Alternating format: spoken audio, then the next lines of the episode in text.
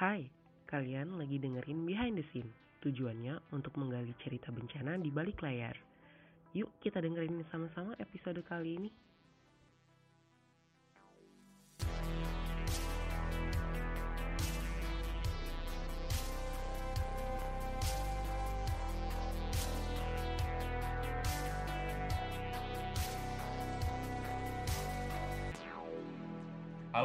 Semuanya, selamat datang di podcast Asap Indonesia. Uh, hari ini senang sekali ketemu dengan teman-teman semuanya. Uh, saya Arsyad, uh, analis bencana dari uh, Direktorat Pengembangan Strategi Bencana BNPB, dan teman saya Vita dari World Resource Institute Indonesia. Nah, rekan-rekan uh, semuanya, uh, saya juga pengen ngasih tahu ke teman-teman bahwa Sita ini baru saja gabung uh, di podcast Asap Indonesia sebagai podcaster. Selamat datang Sita. Terima kasih Mas Arsyad. nah, eh, teman-teman tentunya pernah dengar bahwa uh, ada salah satu wilayah di kabupaten di Jawa Timur yang pernah uh, terdapat siklon siklon tropis cempaka di tahun 2017 dan juga beberapa beberapa kali pernah terjadi gempa bumi, uh, di mana juga dia punya potensi uh, wilayah gempa bumi yang cukup tinggi. Nah, uh, dia adalah Kabupaten Pacitan, dan senang sekali kali ini uh, di podcast Asap Indonesia kita kedatangan sosok perempuan, sosok ibu yang uh, cukup aktif di dunia penanggulangan bencana. Selamat datang Ibu Dita Agustinawati. Iya, selamat pagi Mas Apa kabar? Kabar kabar baik Ibu. Jadi itu uh, terkait dengan Ibu, uh, Ibu. Saya mungkin manggilnya siapa nih? Budian. Kalau biasa saya chat WhatsApp atau telepon saya bisa manggilnya Bunda karena sosoknya yang baik dan ramah. Gitu. uh, manggil apa aja boleh. Budian, Bunita, atau Mbak atau apa terserah. Pokoknya enaknya Mas Arsad aja manggil aku kayak gimana. Iya. iya. Ya aman Halo, deh semuanya, Mas Arsad. Ya. Terima kasih ya Budian sudah berkenan hari ini meluangkan ya. waktunya berbagi sama kita dan para pendengar podcast Asap ID mengenai pengalaman Bu Dianita di dunia penanggulangan bencana. Uh, mungkin Bu Dianita iya. boleh kenalan dikit nggak Bu? Terima kasih sebelumnya Mbak Sita. Perkenalkan ya, uh, nama saya Dianita Agustinawati. Saya lahir di Pacitan 2 Agustus uh, tahun 1977. Jadi tahun ini saya uh, menginjak 44 tahun ya, insya Allah semoga kita semua diberikan umur panjang sama Allah Subhanahu Wa Taala. Kemudian Uh, saya bergabung di BBBD, khususnya BBBD Kabupaten Pacitan, itu mulai bulan Juli tahun 2012 sampai sekarang. Jadi uh, mulai saya jadi staff dan akhirnya Alhamdulillah saya diamanatkan tahun 2016 menjadi kasih pencegahan dan kesiapsiagaan di BBBD Kabupaten Pacitan. Jadi uh, mungkin ini sudah 9 tahun ya saya saya berada di BBD dan uh, mungkin passion saya di sini. Jadi uh, ini ada ceritanya Mbak Sita. Jadi ternyata kita kalau semuanya dulu zaman sekolah sering ikut organisasi. Karena saya saya mulai dari SD itu senang sekali kegiatan. Mulai pramuka, PMR, PALA, pokoknya setiap organisasi apa pun pasti saya ikut, termasuk uh, jadi pengurus OSIS dan lain sebagainya.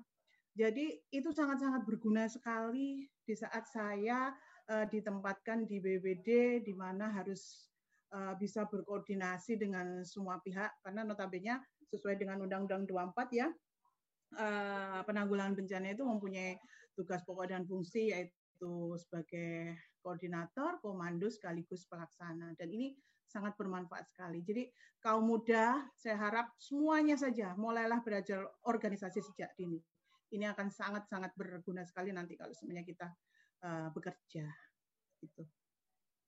Luar biasa banget nih Bu Dian. Uh, ini Bu, kan kita tahu ya Bu, kalau misalnya di penanggulangan bencana itu terkenal dengan kerja 24 jam seminggu gitu. Artinya nggak mengenal libur dan harus siap kapan aja gitu. Uh, kira-kira Budian sebenarnya apa sih uh, faktor utama yang membuat Budian ini tetap semangat gitu untuk bergerak uh, di bidang kebencanaan? Hmm. Kalau menurut saya secara pribadi ya, uh, kenapa saya uh, senang atau uh, tidak pandang bulu kita mau 24 jam atau jam berapapun kita harus ready karena yang pertama karena rasa rasa kemanusiaan. Jadi apa karena dari dulu kita sudah sudah sudah sering bagaimana caranya kalau semuanya ada orang yang kesusahan kita mempunyai empati yang tinggi.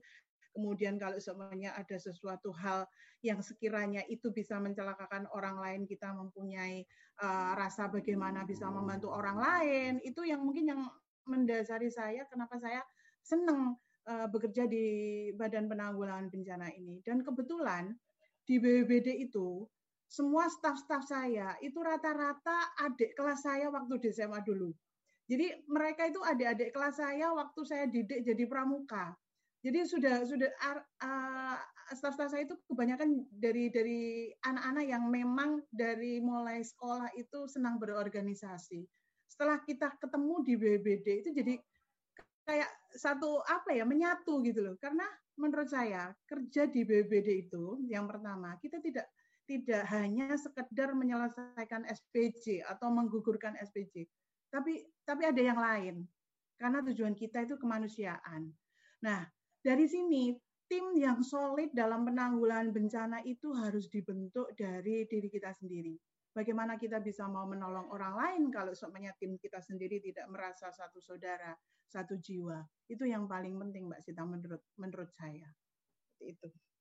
Berarti bisa dibilang Kak memang keinginan untuk uh, terjun di bidang bencana itu uh, ada karena emang Budian ini memiliki rasa kemanusiaan yang tinggi dan juga terlatih ya Bu uh, melalui berbagai organisasi dulu waktu sekolah.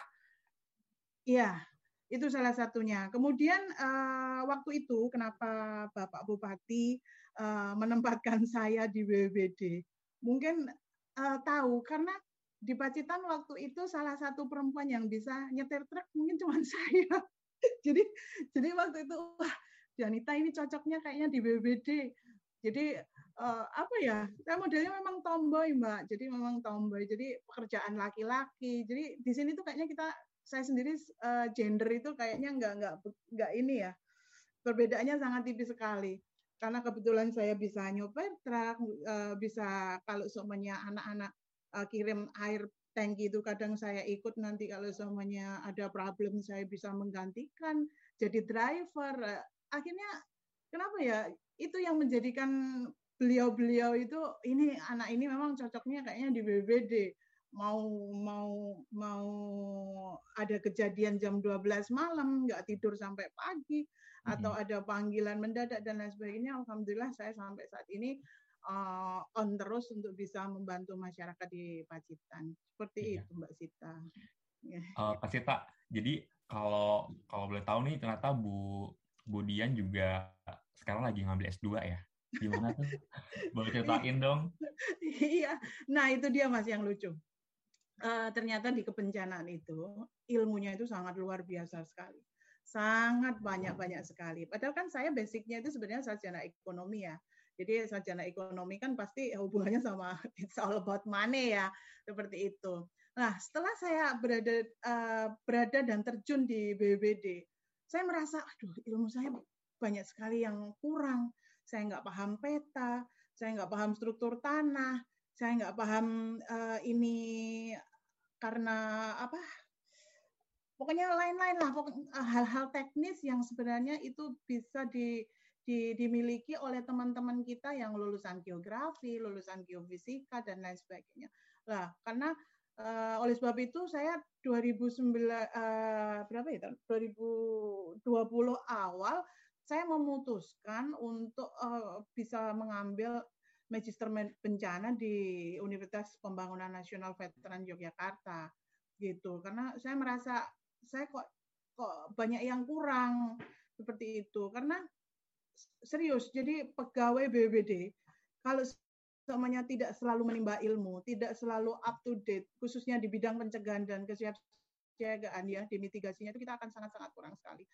Makanya kenapa uh, mungkin Mas Arson uh, tahu ya, saya walaupun istilahnya tidak ada SPJ, tidak ada apa-apa, saya saya sering kali ikut kegiatan kegiatan apalah, ikut seminar apalah. Pokoknya yang penting saya bisa menimba ilmu khususnya kebencanaan dan uh, mempunyai uh, ilmu yang sekiranya nanti bisa saya berikan kepada masyarakat. Seperti itu Mbak Sita.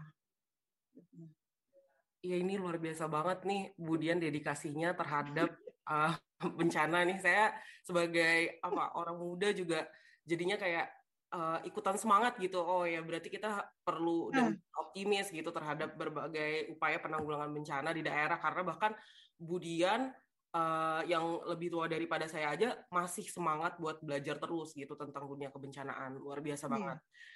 Um, Budian mungkin uh, ya. saya jadi penasaran nih sebenarnya uh, gimana sih sebenarnya kondisi bencana di Pacitan itu sendiri gitu. Karena seperti yang kita tahu uh, Kabupaten Pacitan itu kan uh, kayaknya banyak nih uh, jenis bencana terpapar hmm. banyak jenis bencana gitu dan seperti yang Budian tadi bilang juga kayak akhirnya membuat Budian jadi merasa perlu buat belajar gitu untuk uh, tahu bagaimana um, kebencanaan itu melingkupi banyak aspek gitu.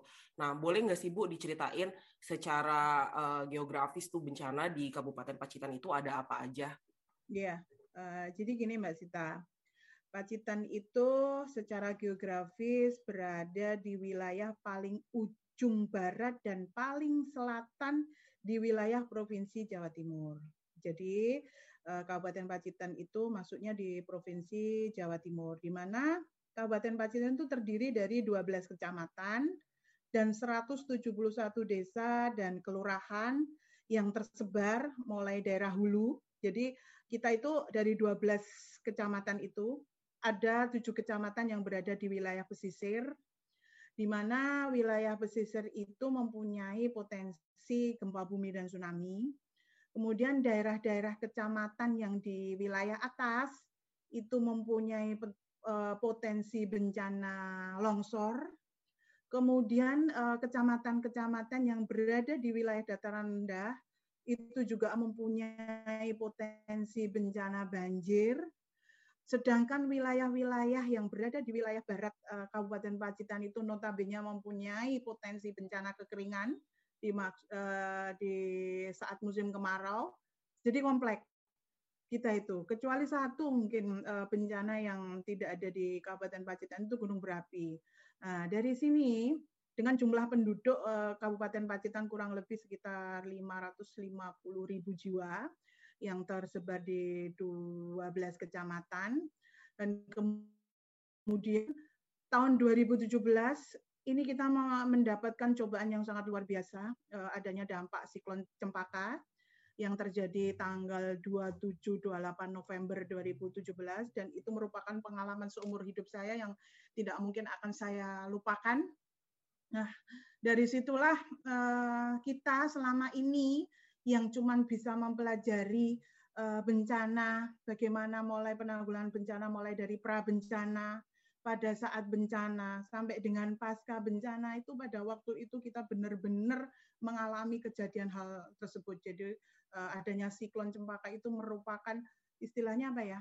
Uh, pelajaran yang benar-benar nyata yang harus kita hadapi yang selama ini kita cuma belajar lewat teori akhirnya bagaimana kita harus bisa mempraktekkan pada saat kejadian yang sangat luar biasa itu. Begitu Mbak Sita untuk sekilas dari uh, geografi Kabupaten Pacitan. Wah, ya. berarti ini benar-benar kayak Pacitan itu tempat kumpulnya bencana ya Bu, kayak bencana geologi iya. juga ada, bencana iklim juga kayaknya ada gitu ya Bu. Iya betul Mbak nah, Ya. Jadi, kalau kan misalnya ngelihat, eh uh, gimana Bu?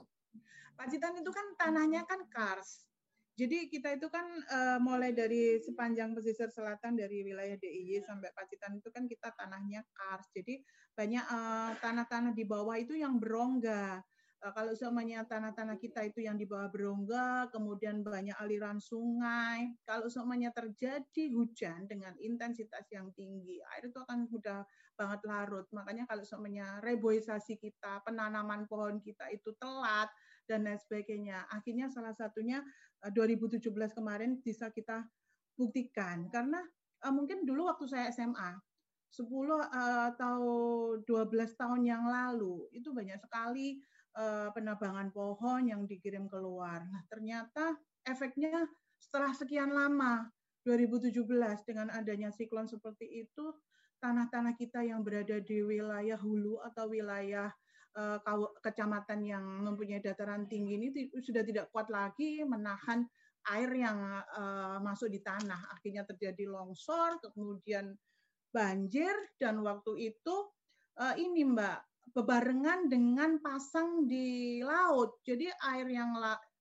air pasang di laut itu sudah waktunya masuk ke darat, air yang dari pegunungan itu berusaha keluar ke ke laut akhirnya mengakibatkan uh, tanggul jebol, jembatan ambruk dan lain sebagainya. Akhirnya kurang lebih waktu itu ada 25 orang yang meninggal dunia dan kita benar-benar hampir satu minggu itu aliran listrik padam.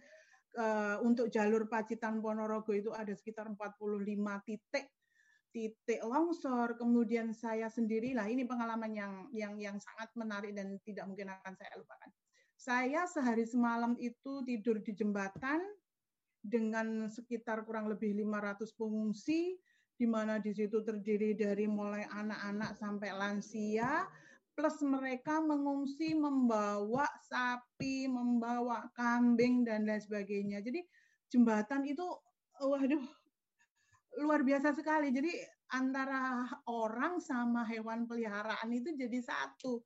Bayangkan, jadi selama sehari semalam saya harus bisa menenangkan sekian ratus banyak orang untuk tetap bisa survive karena memang uh, jalan itu sudah putus tanggul jebol dan lain sebagainya baru keesokan harinya sekitar jam 6 pagi itu saya baru bisa keluar dari dari daerah tersebut itu yang sangat sampai sekarang mungkin tidak akan mungkin saya lupakan seumur hidup saya gitu mbak Berarti itu ya. kejadian bencana yang ditimpuk sama bencana lain ya Bu ya. Itu iya. pasti berkesan iya, banget nih kayaknya iya. uh, ke Budian. Uh, Bu jadi saya jadi penasaran gitu. Uh, iya, sebenarnya uh, sebelumnya tuh bencana-bencana seperti itu apakah sudah diketahui oleh BPBD atau sebenarnya uh, itu tuh adalah sesuatu yang tidak diperkirakan sebelumnya dan tiba-tiba datang gitu bu kayak nggak nyangka ternyata uh, ada gitu dan di Pacitan itu bisa terjadi siklon misalnya yeah. itu gimana bu? Yeah. Kalau sebenarnya dari hasil kajian risiko bencana, kebetulan kita tahun 2014 itu sudah difasilitasi oleh BNPB, eh, KRB, kajian risiko bencana, dan RPB, rencana penanggulangan bencana. Di situ sebenarnya sudah di, di di, dikaji bahwa misal daerah ini mempunyai potensi longsor, daerah ini punya potensi banjir, daerah ini punya potensi gempa tsunami dan lain sebagainya. Tetapi kita tidak tidak tidak mengira kalau semuanya kejadian bencana setiap tahun ini sebenarnya ada Mbak ya. Jadi kita kan dalam satu tahun itu kan siklus ya 12 bulan. Sekitar mulai bulan November, Desember, Januari, Februari, Maret itu pasti nanti hujan intensitas tinggi paling nanti kalau semuanya kejadian longsor itu kecil-kecil, kejadian longsor kecil satu, dua rumah, tiga rumah itu sudah biasa ya. Kemudian nanti menjelang masuk bulan Juni ke atas sampai dengan September, Oktober itu mulai kekeringan. Dan itu itu sudah dipetakan daerah-daerah mana yang perlu kita suplai. Karena memang di situ uh, sumber mata airnya sangat minim sekali. Nah, kejadian 2017 itu uh, berdasarkan catatan dari BMKG, kurang lebih uh, curah hujan yang datang waktu itu kurang lebih hampir sekitar 200 sampai 300 mm per jam dan itu diperkirakan hujan yang seharusnya terjadi satu bulan itu cuma terjadi dua hari di Pacitan.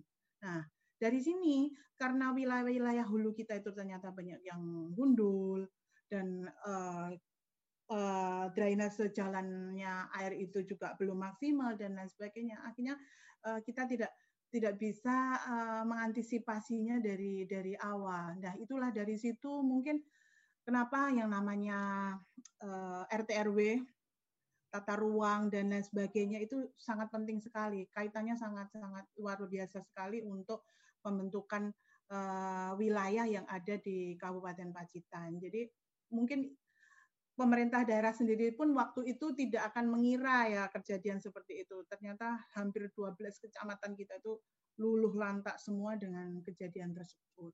Jadi dari mulai Bantul sampai dengan Pacitan itu yang paling parah itu waktu itu Pacitan. Hampir 6.000 rumah yang rusak uh, yang rusak kena longsor dan alhamdulillah kita waktu itu uh, didampingi oleh BNPB. Jadi pasca kejadian bencana Hamin 3 itu BNPB udah datang ke Pacitan melakukan pendampingan ke kita. Jadi saya sangat berterima kasih sekali waktu itu karena kalau namanya tidak didampingi oleh BNPB, kita juga yang namanya bencana itu walaupun kita sudah punya renkon dan lain sebagainya itu juga masih gimana Mbak ya masih blank juga gitu. Jadi uh, di sisi lain saya itu sebagai makhluk sosial termasuk teman-teman juga sebagai makhluk sosial juga punya keluarga di rumah. Kantor BBB sendiri waktu itu juga banjirnya itu hampir sedada. Jadi semua aset yang ada di kantor kita itu semuanya off semua Nah, dari situ akhirnya setelah ada pendampingan dari BNPB, kemudian ada pasukan BKO dari Pangdam 5 Brawijaya sekitar hampir 3.000 pasukan, hampir 3.000 pasukan TNI dan Polri yang didatangkan di BAKO ke Pacitan. Dari situ mulai terurai nih satu persatu uh, benang yang kusut ini akhirnya uh, Pak Bupati uh, membuat SK tanggap darurat, pembentukan posko dan lain sebagainya. Akhirnya dari dari situ alhamdulillah dengan berjalan waktu bisa kita uh, tangani satu persatu. Begitu Mbak Sita. Jadi panjang ya ceritanya saya kalau ngomong. Gak apa-apa Bu, ini seru banget ceritanya karena ya. saya sebenarnya mendengar aja udah ikut tegang gitu karena nggak kebayang harus apa ya menjadi orang yang mengkoordinasiin uh, berbagai uh, upaya penanggulangan bencana, tapi di sisi lain juga menjadi korban bencana gitu kayak nah, iya, kebayang kan bisa dibilang gitu ya Bu berarti. Iya betul itu. Saya itu aja di waktu kejadian itu posisi di jembatan itu cuman bisa telepon ke rumah anak saya saya telepon saya bilang mama nggak mungkin pulang. Nah, saya bilang gitu. Jadi semua barang-barang kayak uh, ini yang namanya surat-surat berharga dan lain sebagainya pokoknya amankan dulu. Kalau semuanya baju dan lain sebagainya kena banjir nggak masalah. Kebetulan rumah saya dekat sungai mbak.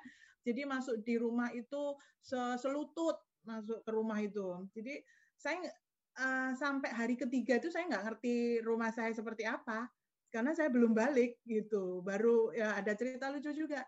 Uh, hari keenam itu saya akhirnya tepar juga.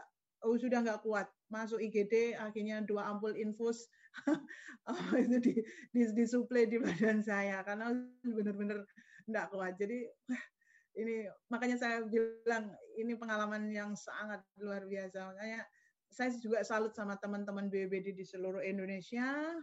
Pokoknya kalau semuanya daerahnya sudah pernah mengalami bencana, di situ kecintaan kita sama BBD, kemanusiaan, Nah, penyelamatan, kemudian bagaimana cara kita bisa mengedukasi ke masyarakat, itu itu sangat luar biasa.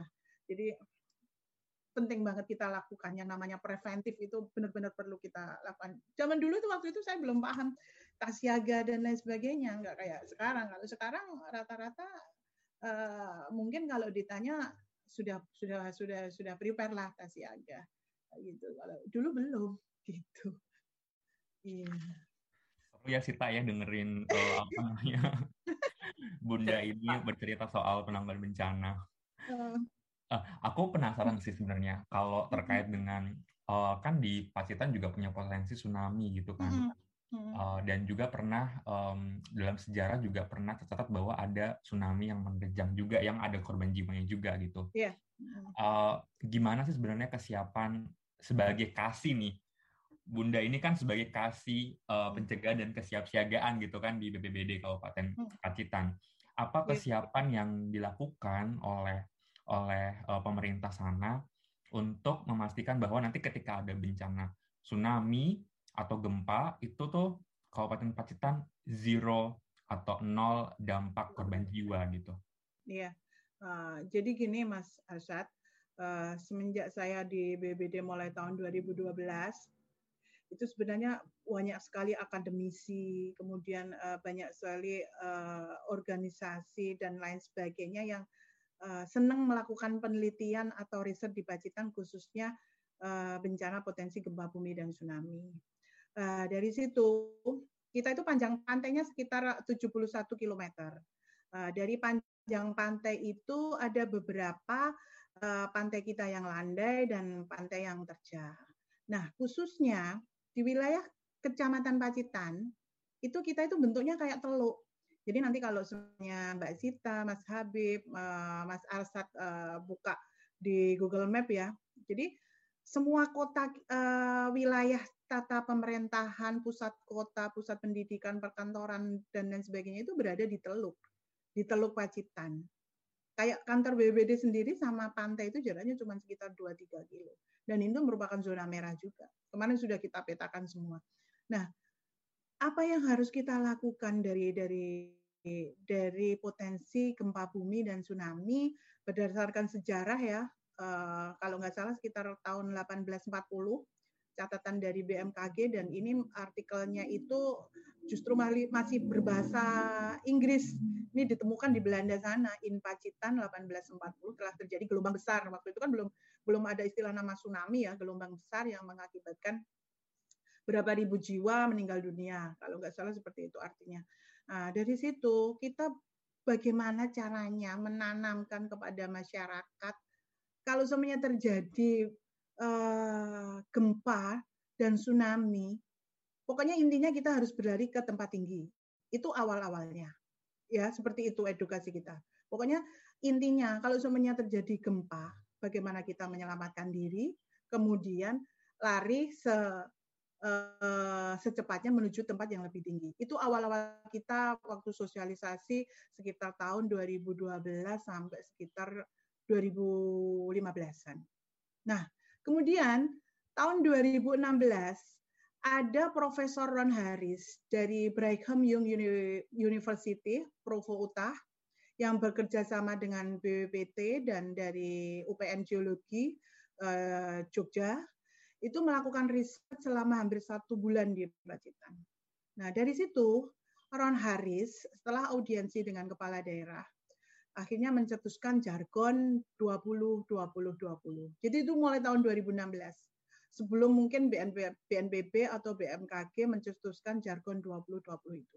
Nah, pada saat Profesor Ron Haris itu mencetuskan jargon 20 20 di mana kalau semuanya terjadi gempa dengan intensitas yang besar dan kurang lebih terjadi 20 detik, kita harus bisa melakukan evakuasi uh, kurang lebih sekitar 20 menit dan menuju ketinggian 20 meter, tapi 20 meter di sini itu tidak mutlak terus harus diukur 20 meter ya. Jadi uh, yang penting kita sudah berada di tempat tinggi dan aman itu uh, enggak apa-apa. Jadi patokannya biar mudah untuk mengingat masyarakat 20-20 itu. Akhirnya pada waktu itu langsung disampaikan sama Pak Bupati di rapat paripurna DPR dan dimuat oleh media massa. Nah, semenjak itu akhirnya masyarakat kita itu sudah familiar sekali dengan istilah jargon 20 20 20. Itu mitigasi yang paling utama. Kemudian saya sendiri yaitu tadi Mbak Sita Mas Arsyad.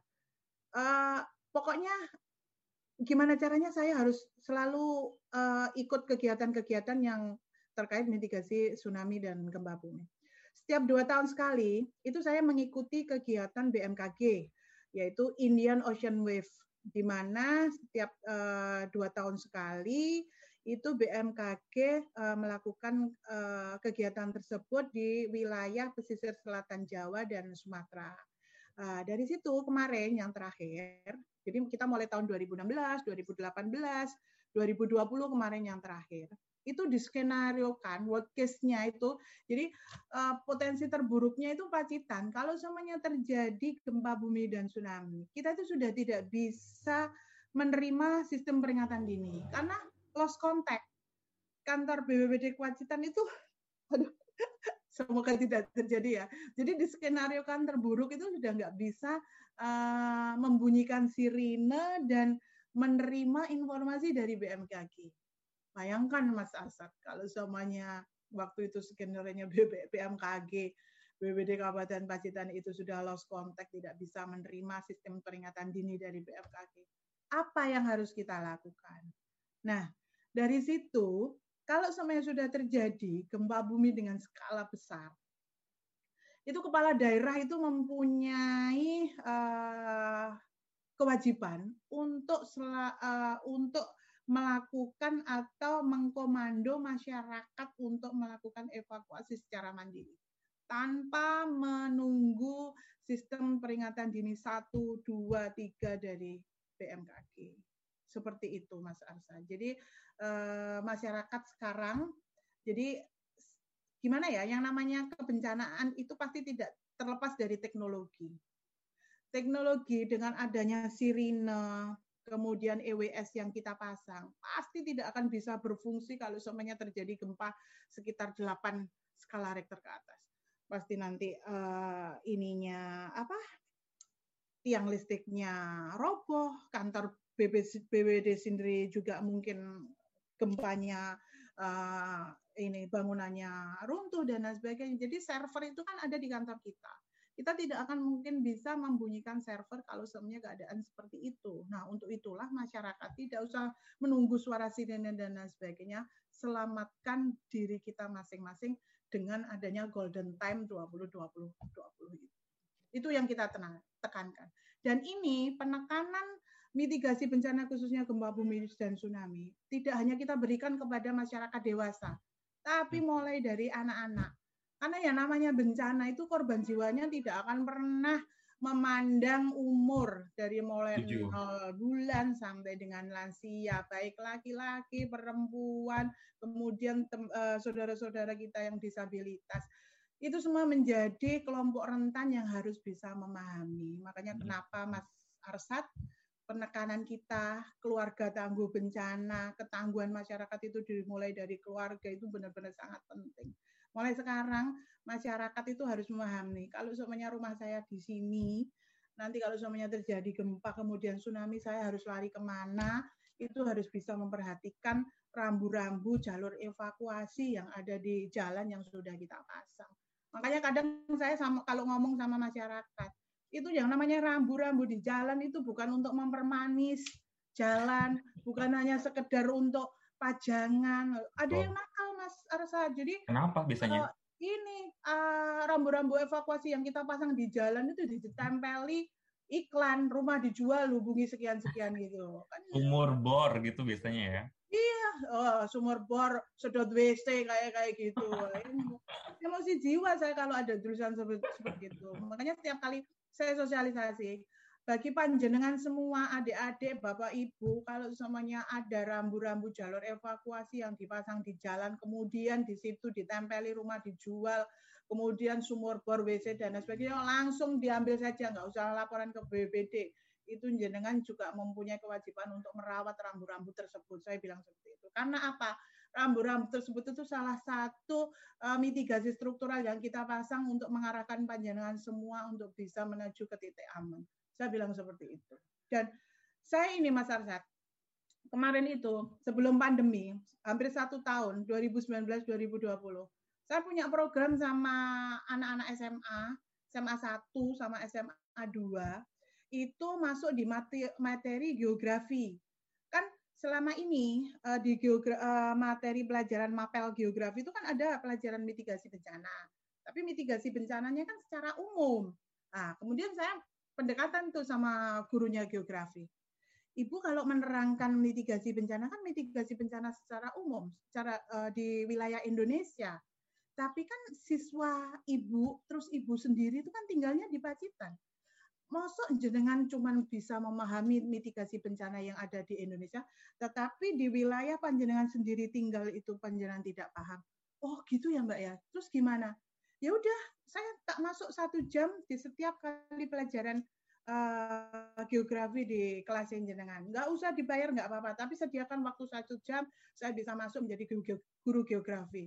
Oke, akhirnya setelah kita uh, ngobrol panjang lebar, itu sudah berjalan satu tahun.